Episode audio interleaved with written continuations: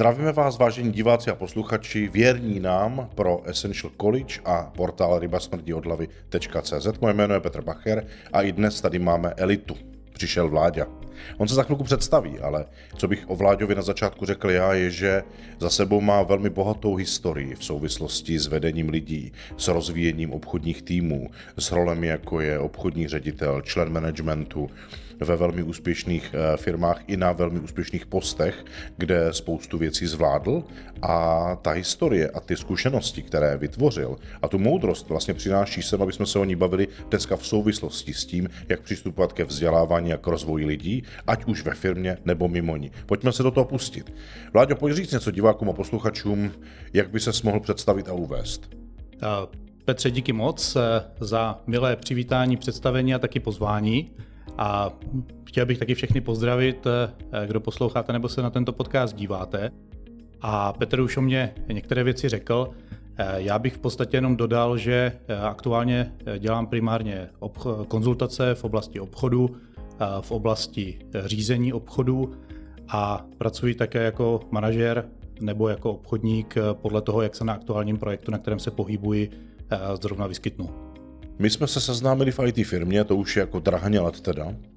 A ty jsi eh, nejenom pokračoval tam, rozvíjel obchod, vedl, řídil si vlastně obchod, mezinárodní tuším, mm-hmm, i, i vnitrostátní. A potom si uh, přecházel dál. Co vnímáš jako, když jsi byl v té manažerské roli, mm-hmm. jako nejobtížnější?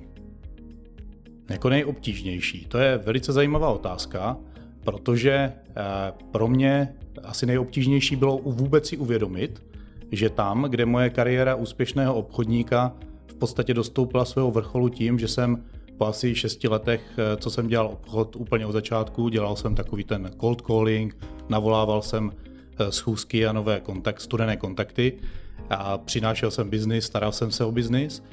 A potom, když jsem se stal obchodním ředitelem eh, regionálním, tak jsem si v té chvíli vůbec neuvědomoval, že moje kariéra obchodníka, dá se říct, skončila a začala moje kariéra úplně nová. Mm-hmm. Jenomže já jsem tehdy měl ty funkce dvě. Já jsem si ponechal nějaké zákazníky, myšlenka byla taková, Raj se stane ředitelem, nechá si ty zákazníky, o který bude dál pečovat a ještě nám tady bude rozvíjet tým. Mm-hmm. To se ukázalo jako, že to je velice problematická pozice a kdokoliv z vás někdy vyzkoušel sedět na dvou židlích, manažerské a e, židli, která je ten takzvaný individuální kontributor, to znamená člověk, který je sám eh, přináší výsledky, nikoli ten, který přináší výsledky prostřednictvím týmu, tak ví, že to není vlastně vůbec jednoduché tyhle dvě věci sladit. Uh-huh. A pro mě bylo vlastně největší, abych ani řekl problém, ale spíš, jak se dneska moderně říká, challenge, a bylo uh, naučit se tyhle dvě věci balancovat a hlavně naučit se pracovat s tím týmem tak, abych neprosazoval sebe, ale abych prosazoval především ten tým. To znamená, ne, že uděláme to takhle, protože já vím, že to tak má být, ale hele, pojďme, pojď to zkus udělat takhle, protože už to někde fungovalo. A byl jsem, vlastně posouval jsem se tak nějak přirozeně do té role toho trenéra. Uh-huh. No a potom přišla vlastně ta chvíle, kdy člověk si říká, hele, tak už jsem toho spoustu jako zažil, ale potřeboval bych se posunout někam dál. Uh-huh. A já jsem měl jedno štěstí. Já jsem vždycky pracoval s lidmi, kteří neměli problém podporovat své okolí, včetně mě v tom, aby se posouvali dál. A dostal jsem se na, uh, dostal jsem se díky tomu do USA na týdenní, velice tehdy drahý kurz, který se jmenoval uh, nějaký, to byla nějaká Sales Executive Management, prostě vede strategické řízení obchodu. A během toho týdenního kurzu, který byl fakt nadupaný na prestižní univerzitě, jsem se dozvěděl strašně moc věcí. No ale když jsem se potom vrátil tak do té praxe jsem z toho dokázal dostat jednu, dvě. Protože tam byla taková kupa teorie, ale strašně málo praxe. A když jsem potom hledal další formy vzdělávání, tak to jsme se tehdy spolu potkali, protože firma, do které jsem nastupoval, tak už se na univerzitě vzdělávala v programu MBA. Uh-huh. Mhm. A já jsem tehdy si vyžádal konzultaci, že budu na jedné hodině a současně, že si s tebou tehdy, nic jsme o sobě nevěděli, promluvíme. Uh-huh. A já jsem chtěl vědět, jak vlastně probíhá to učení, protože už jsem nechtěl být v tom, že se dozvím kupu teorie, ze které ale potom toho moc ne, nevyužiju. Mm-hmm. A to, to je další věc. Jak tu věc, kterou se člověk naučí, poslechne, převzít do praxe. Já jsem rád, že jsi to takhle uvedl, nicméně mám dojem, že vlastně principem těchto těch nahuštěných intenzivních nebo nějakých intenzivů je vlastně principem toho je maximum probrat a pak to nechat na odpovědnosti každého, aby si to zavedl, zatímco kdyby to roztáhli do horizontu třeba roku, přičemž objem týdne zanechali, mm-hmm. tak proložením praxe se z toho stane něco, co najednou ale změní cílovou skupinu a možná by se tam třeba nedostal, protože by to stalo 20krát tolik třeba. Jo? I v nákladech třeba lítat tam a tak dál. Uh, co si mm. o to myslíš? Uh, souhlasím na půl, mm-hmm. protože Myslím si, že v nákladech by to až takový, samozřejmě pokud se odmyslím, odmyslíme teď ty náklady letecké, já jsem tam toho ještě navíc letěl z Azie, takže eh, to byla celkem drahá sranda. Uh-huh. Nicméně, eh, když to vezmu z pohledu toho přínosu, tak i kdyby ta samotné vzdělávání rozdělené do toho dalšího časového období bylo dražší, tak z pohledu přínosu to bude jednoznačně lepší. Jako když se podíváme na nějaký uh, eh, ROI, Return on Investment, tak 100% bude lepší. Mm-hmm. Což mimochodem můžu potvrdit, protože studium tady MBAčka nebylo dražší, a výsledky pro mě mělo výrazně, výrazně převyšující to, co tam dokázali američani do mě nahustit za ten týden. To je zajímavé, já jsem tam totiž právě MBA studoval. Bylo to bratru 18-19 měsíců, několikrát jsem tam letěl, naštěstí to platil, nebo naštěstí. Platil to tehdejší zaměstnavatel můj, kde jsem se s ním vlastně dohodl. Při odchodu jsem mu ty peníze stejně vracel a a to do koruny, takže mám vlastně přehled, eh, kolik to bylo. Nicméně, kdyby se mě někdo zeptal, jestli by do toho šel znovu, tak rozhodně ano. Takže rozumím tomu, co říkáš. Co mě zajímá je, když se vrátím k tvým, eh, post, postavení ve vedoucích rolích, v ředitelských rolích, tak chceš, aby byl v kontaktu s řadou lidí, které si vedl, rozvíjel, a organizaci nebo tu divizi nebo oddělení řídil. Na co si narážel nejčastěji v souvislosti s nekompetentností nebo nedostatečnou kompetentností, nebo naopak třeba uh, nadbytečnou kompetentností lidí, které si vedl? Pokud jde o nějakou nekompetentnost, samozřejmě to souvisí často s tím, jak moc ty lidi jsou seniorní, které člověk vede. To znamená, pokud má samozřejmě k dispozici tým lidí, kteří jsou zkušení, v biznisu se pohybují dlouhou dobu a rozumí tomu, tak pochopitelně je radost kolikrát s nimi pracovat a je relativně jednoduché je vést, protože člověk je jenom tak jako lehce směřuje a nemusí je úplně nic zásadního učit, protože dá se říct, že jejich laťka, se kterou začínají, je velmi vysoká mm-hmm. a člověk je vlastně jenom jako pošoupává na té laťce a snaží se, snaží se je udělat ještě lepšími, oproti tomu, když člověk pracuje s lidmi, kteří jsou to sotva výjdou z univerzity, je to pro ně první zaměstnání, tak tam samozřejmě úroveň těch jejich znalostí je podstatně nižší a to vlastně ve všech oblastech. Nejenom v oblasti toho, co mají dělat, to znamená v oblasti toho obchodu, musím nějak obchodnovat, obchodničit, ale taky třeba v oblasti toho, co vlastně prodávají, protože tomu produktu nerozumí,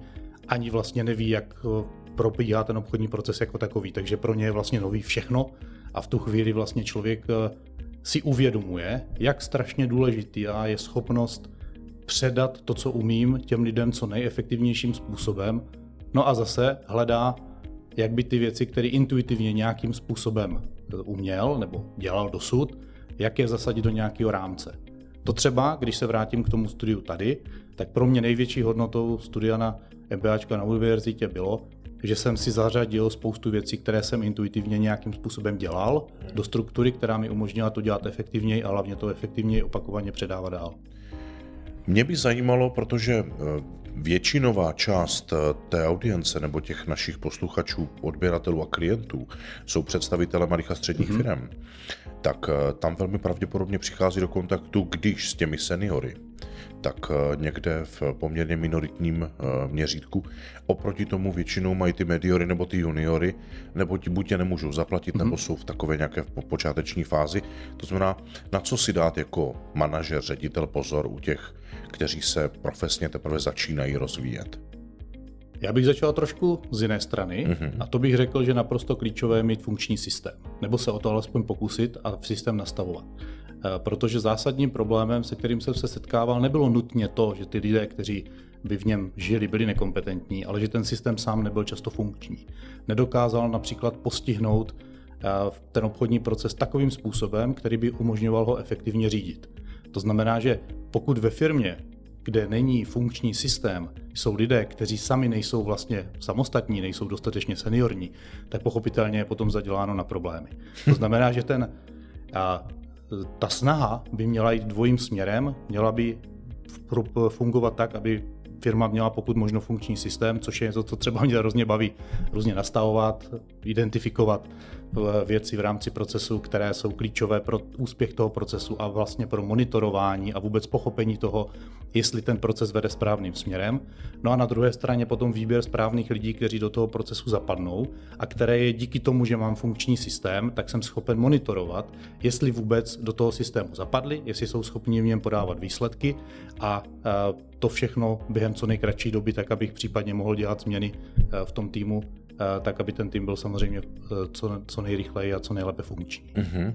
No mně se líbí, jak jsi to uchopil, protože já jsem se k tomu chtěl dostat postupně a teď to můžeme vlastně kumulovat, to téma. To znamená, ty seš dneska v postavení, kdy nejenom, že se díváš na nastavování procesu a nastavuješ je, moderuješ, mm-hmm.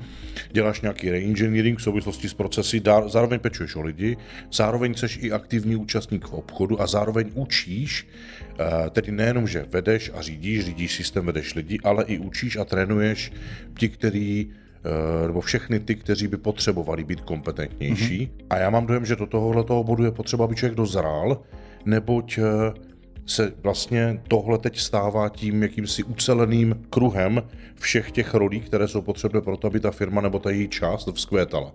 Vnímám to správně? Naprosto. A která z těch rolí je pro tebe, když bych to takhle eh, popsal v tom kruhu, nejvýznamnější? pro tebe osobně? A pro mě osobně eh, je to vždycky práce s lidma a pro lidi ideálně společně na nastavování nějakého systému. Uh-huh. To mě vlastně nejvíc baví, protože tam člověk nejvíc dokáže uplatnit ty své zkušenosti z praxe, dokáže se na věci podívat často díky tomu, že se pohybuju ve firmách, ve kterých nejsem eh, každý den, tak člověk samozřejmě jednodušeji vidí, dokáže se na to podívat z toho odstupu, udělat takzvaný ten helikopter view, mrknout se na věci Eh, proč něco nefunguje, jak nefunguje a vlastně zjistit i to, jestli je problém v systému, v lidech, v obojím, případně v jaké, což typicky bývá, případně jak, jakým směrem vlastně potom t, začít pracovat na jednání nápravy. Mm-hmm. Protože já osobně, když vstupujeme do firm, tak vnímám, že když už se začneme zabývat lidmi, tak zároveň musíme opečovat systém, nebo když se začne zabývat systém, musíme opečovat lidi. Přesně tak. Ale poměrně snadno a docela i intuitivně a i, řekl bych, i rychle s kompetentními ty představitele v tom, aby uměli pečovat o lidi aspoň základním způsobem a uměli pečovat o systém nebo ho aktualizovat aspoň základním způsobem, co velmi často selhává, je jejich uvědomění, že potřebují být zodpovědní i za tu trenérskou roli, i za to, že vlastně pro ty lidi nejsou jenom tím manažerem, ale že jsou i tím lídrem, který je učí, občas položí otázku, jindy vlastně počká, až si ten člověk na to přijde, nebo co neumí ho naučit. Ta trenérská nebo ta řekl bych možná z toho leadership hlediska, ta role toho lídra, který trénuje a učí, velmi často absentuje a selhává na tom, že pro ně není přirozená. Mm-hmm. Jak to vidíš ty? Souhlasím s tím a je to podle mě dané eh, jednou věcí. Na tohle člověka nepřipraví ani škola a často ani předchozí praxe, pokud už v ní nebyl nějakým způsobem formálně vzdělán, mm-hmm. protože člověk se jednoduše dostává do fáze, kdy neví, co neví. To znamená, dělá něco, neví, že to dělá špatně nebo dobře, třeba to dělá dobře, ale prostě to neví. A neví ani proč, protože mu chybí nějaká struktura, nějaké formální vzdělání, které by mu dokázalo říct, hele, takhle postupuj, a takhle poznáš, jestli postupuješ správným směrem nebo ne.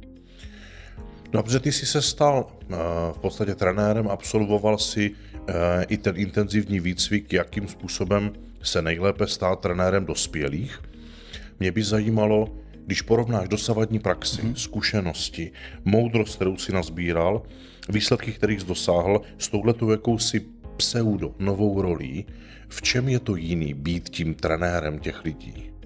Já bych řekl, že pro mě osobně je to, když to vztáhnu k tomu výcviku, tak je to nejvíc jiné v tom, že jsem zase chytřejší právě v tom, jak poznat, jak vypadá, nebo představit si tu cestu a potom poznat, že jsem na ní a jdu po ní správně. Uh-huh. A současně si, třeba když si to vezmu ještě navíc k týmu, který jsem ještě nedávno vedl a konkrétně pro, procházel jsem během toho studia právě tím, že jsem některé věci mohl okamžitě vidět, jak fungují nebo nefungují, uh-huh. tak, při, tak jsem si třeba zvědomoval během školení na nové produkty, nové věci, jakým způsobem vlastně by měl člověk postupovat dál. To znamená, není to jenom o tom, že se lidem řekne, hele, tady je produkt, ale taky dobrý si ověřit, že si něco z toho zapamatovali, je dobrý si ověřit, že to pochopili správně, je dobrý si ověřit, že to umí nějakým způsobem použít, nebo že to vůbec používají, protože často školení, trénink hoří právě na tom, a tím se vracím, vracíme k těm krátkým intenzivním kurzům,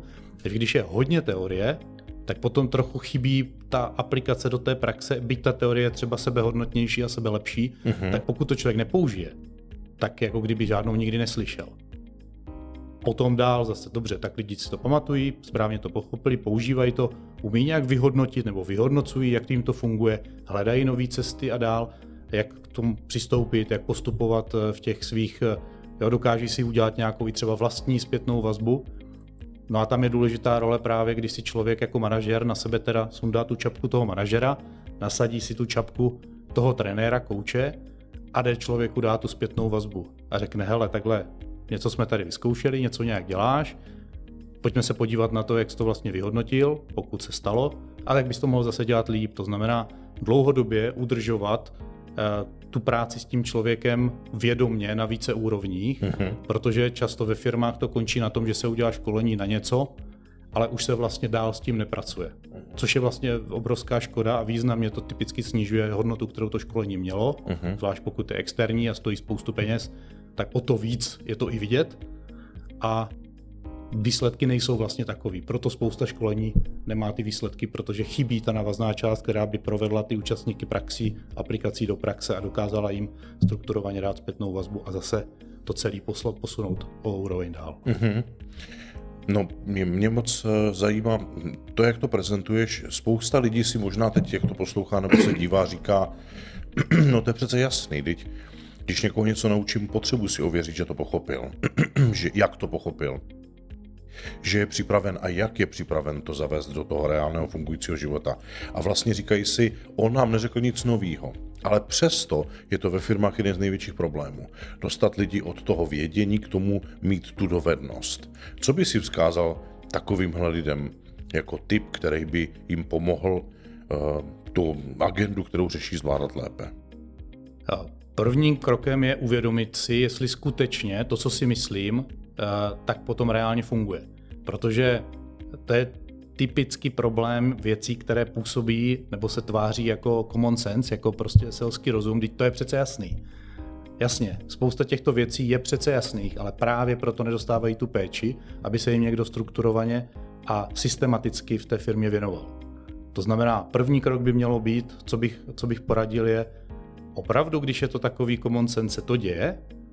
To znamená, Zkuste se podívat na sebe, jak věci děláte, i třeba pokud jste v, v, v roli nějakého majitele nebo ředitele, podívat se, jestli ty lidi pod váma s těmi svými týmy pracují skutečně tímto způsobem, jestli to, co vám připadá jako úplně normální, je skutečně normální a běžné i pro ty lidi v jejich praxi a jestli mají nějaké systémy třeba vzdělávací nebo pro systémy pro eh, zapracování nových zákazníků, pardon, myslím eh, zapracování nových zaměstnanců, které by tohle postihovaly systematicky. Nejenom tím, že na začátku se jim něco řekne, ale tím, že to taky opravdu kontrolují, hodnotí to a hodnotí tu, jestli to ty lidi správně pochopili a má to nějak, je to nějakým způsobem rozložené v čase, tak aby to mělo hlavu a patu, co by systém. Nejenom, že je to přece jasný. A teď si představím znovu diváky a posluchače, mm-hmm. kteří si říkají, hele, dává to smysl, jak to první, co řekl, tak i to druhý, co pan Rajv řekl, nicméně, kdo to tady má dělat? Jako, kde mám vzít lidi a kde na to mám vzít kapitál, abych měl systém a vzdělání a ověřování. Co bys jim řekl?